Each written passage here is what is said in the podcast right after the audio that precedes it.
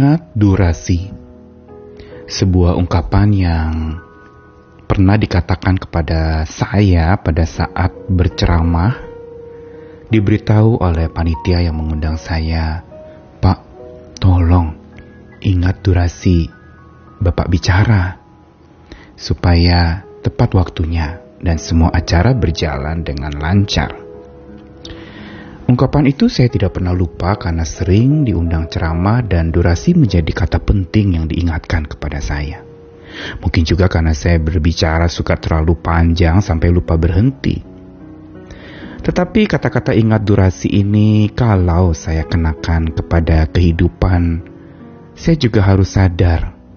Saya juga harus memahami dan memikirkan secara serius bahwa durasi hidup saya kalau acara bisa diprediksi dengan rundown yang ada, tetapi durasi hidup tidak ada yang bisa memprediksinya selain sang pemilik hidup. Karena itu, mengingat durasi itu berarti betul-betul kita secara serius menjalani durasi hidup yang masih dipercayakan itu yang memang tidak tahu kapan berakhirnya karena memang tidak bisa diprediksi kapan selesainya dengan bijak. Dan karena itu kita perlu belajar dan sabda Tuhan hari ini mau mengingatkan kepada kita tentang ingat durasi hidup. Saya Nikolas Kurniawan kembali menemani di dalam sabda Tuhan hari ini dari Injil Yohanes pasal 9 ayat 1 sampai 5. Waktu Yesus sedang lewat, ia melihat seorang yang buta sejak lahirnya. Murid-muridnya bertanya kepadanya, Rabi, siapakah yang berbuat dosa orang ini sendiri atau orang tuanya? Sehingga ia dilahirkan buta. Jawab Yesus bukan dia dan bukan juga orang tuanya, tetapi karena pekerjaan-pekerjaan Allah harus dinyatakan di dalam dia. Kita harus mengerjakan pekerjaan dia yang mengutus aku selama masih siang. Akan datang malam di mana tidak ada seorang pun yang dapat bekerja. Selama aku di dalam dunia, akulah terang dunia. Kisah ini mungkin kita sudah pernah dengar tentang bagaimana Yesus melihat seorang yang buta sejak lahirnya. Dan tentu saja kita tidak tahu dan pada saat itu belum tahu apa yang Yesus lihat dari seorang yang buta sejak lahir. Tapi murid-muridnya berkomentar lebih dulu dengan bertanya siapa yang berbuat dosa orang itu sendiri atau orang tuanya sampai-sampai ia terlahir buta? Dan jawaban Yesus sangat bijak, bahkan bukan sekedar menjawab pertanyaan dari para muridnya, tapi memberitahukan tentang filosofi hidup yang harusnya setiap orang memilikinya.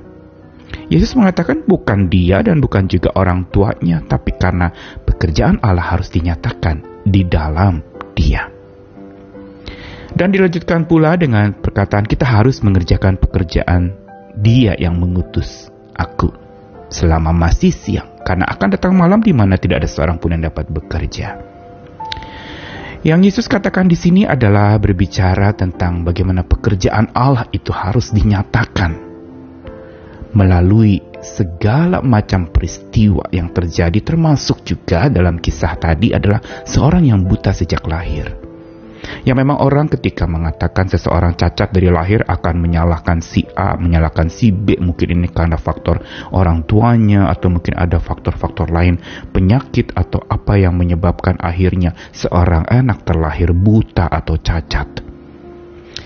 Tetapi Yesus melihat melampaui pandangan-pandangan orang pada waktu itu. Dia sedang berbicara tentang bukan perkara orang buta sejak lahir tapi Yesus selalu melihat bahwa di balik segala peristiwa yang dihadapi oleh seseorang bahkan sejak lahirnya yang memang sudah dikatakan sebagai sebuah bawaan sejak lahir. Yesus ingin mengatakan bahwa ini bukan salah siapa-siapa. Ini bukan karena dosa siapa-siapa, tapi karena pekerjaan Allah harus dinyatakan di dalam Dia. Yesus ingin mengatakan bahwa pekerjaan Allah harusnya memang dipandang lebih besar dibalik segala macam pekerjaan manusia dan segala macam pergumulan manusia dan segala macam peristiwa yang dialami manusia. Dan karena melihat bahwa pekerjaan Allah yang harusnya itu dinyatakan di dalam sebuah peristiwa melalui seseorang atau di dalam segala kejadian-kejadian dalam hidup kita, Maka inilah sebenarnya yang seharusnya kita pikirkan secara serius di dalam kehidupan kita. Dan Yesus ingatkan, kita harus mengerjakan pekerjaan Allah yang mengutus kita selama masih siang. Yesus ingatkan tentang masalah durasi. Selagi masih siang sebelum datang malam, kita harus berjuang. Kita harus melakukan dan mengerjakan pekerjaan Tuhan. Karena akan ada datang saatnya di mana tidak ada seorang pun dapat bekerja. Yesus bukan sedang menakut-nakuti, tapi dia sedang memberitahukan bahwa memang durasi hidup manusia tidak ada yang bisa memprediksi. Karena itu manfaatkan selagi masih ada durasi. Selagi digunakan diberikan waktu misalnya ada seorang diberikan durasi waktu hidupnya 50 tahun, 60, 70, 80 bahkan mencapai 90 atau bahkan mungkin lebih dari itu. Durasi hidup setiap orang beda-beda. Karenanya memang tidak bisa diprediksi dan bukan saja beda-beda durasi hidup manusia itu juga ada di tangan Tuhan sang pemilik hidup. Kalau Tuhan katakan durasinya berhenti di sini atau berhenti waktu itu, kita tidak bisa menggugat dan membatalkannya karena itu kedaulatan dan keputusan Tuhan. Karena itu, selagi durasi hidup kita masih ada yang memang tidak bisa diprediksi kapan berakhirnya, jadilah inspirasi tentang presensi Allah. Apa artinya? Jadi inspirasi tentang kehadiran Allah, presensi Allah, itu berarti kita terus menemukan bahwa Allah hadir dalam segala peristiwa, dalam segala kejadian, dalam segala hal yang kita alami, kita rasakan, kita pikirkan, kita lakukan. Dan kalau kita sadar, kita eling bahwa kehadiran Allah itu sungguh menginspirasi setiap kita, bahkan menyertai kita saat di mana mungkin kita sedang merasa dia tidak menyertai kita. Tapi kalau itu menjadi inspirasi tentang kehadiran Allah lewat semua yang kita alami, kejadian yang kita hadapi, malapetaka, musibah, bencana, dan semua yang kita hadapi, dan kita mendapatkan inspirasi tentang kehadiran Allah melalui itu semua, maka itulah sebenarnya yang harusnya dan patutnya kita isi di dalam masa durasi hidup yang Tuhan sediakan bagi kita. Dan sebelum ekspirasi tiba atau kesudahan segala sesuatunya tiba atau kesudahan hidup kita tiba, jadilah pribadi yang inspiratif. Jadilah inspirasi buat orang lain tentang kehadiran Allah. Bahwa dalam segala peristiwa Allah hadir bagi kita, bersama kita, untuk kita, menemani kita. Dia hadir karena dia tidak mau membiarkan kita sendiri. Bukankah itu yang menjadi doa Yesus sebelum dia mati di kayu salib? Dia mengatakan bahwa aku berdoa ya Bapa supaya di mana murid-muridku berada, aku bersama dengan mereka dan mereka bersama dengan aku. Perhatikan bagaimana kehadiran itu menjadi penting buat Yesus. Menjadi misi dia untuk menghadirkan dirinya bersama-sama dengan para pengikutnya.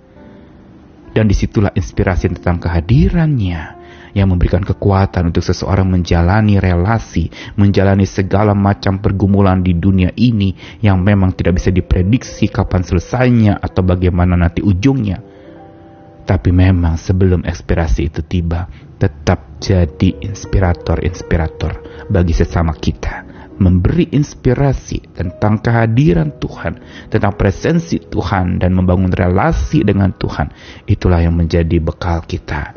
Sehingga saat durasi sudah selesai, saat ekspirasi atau akhir dari segala sesuatu itu selesai, kita sudah siap menghadap Sang Pencipta kita.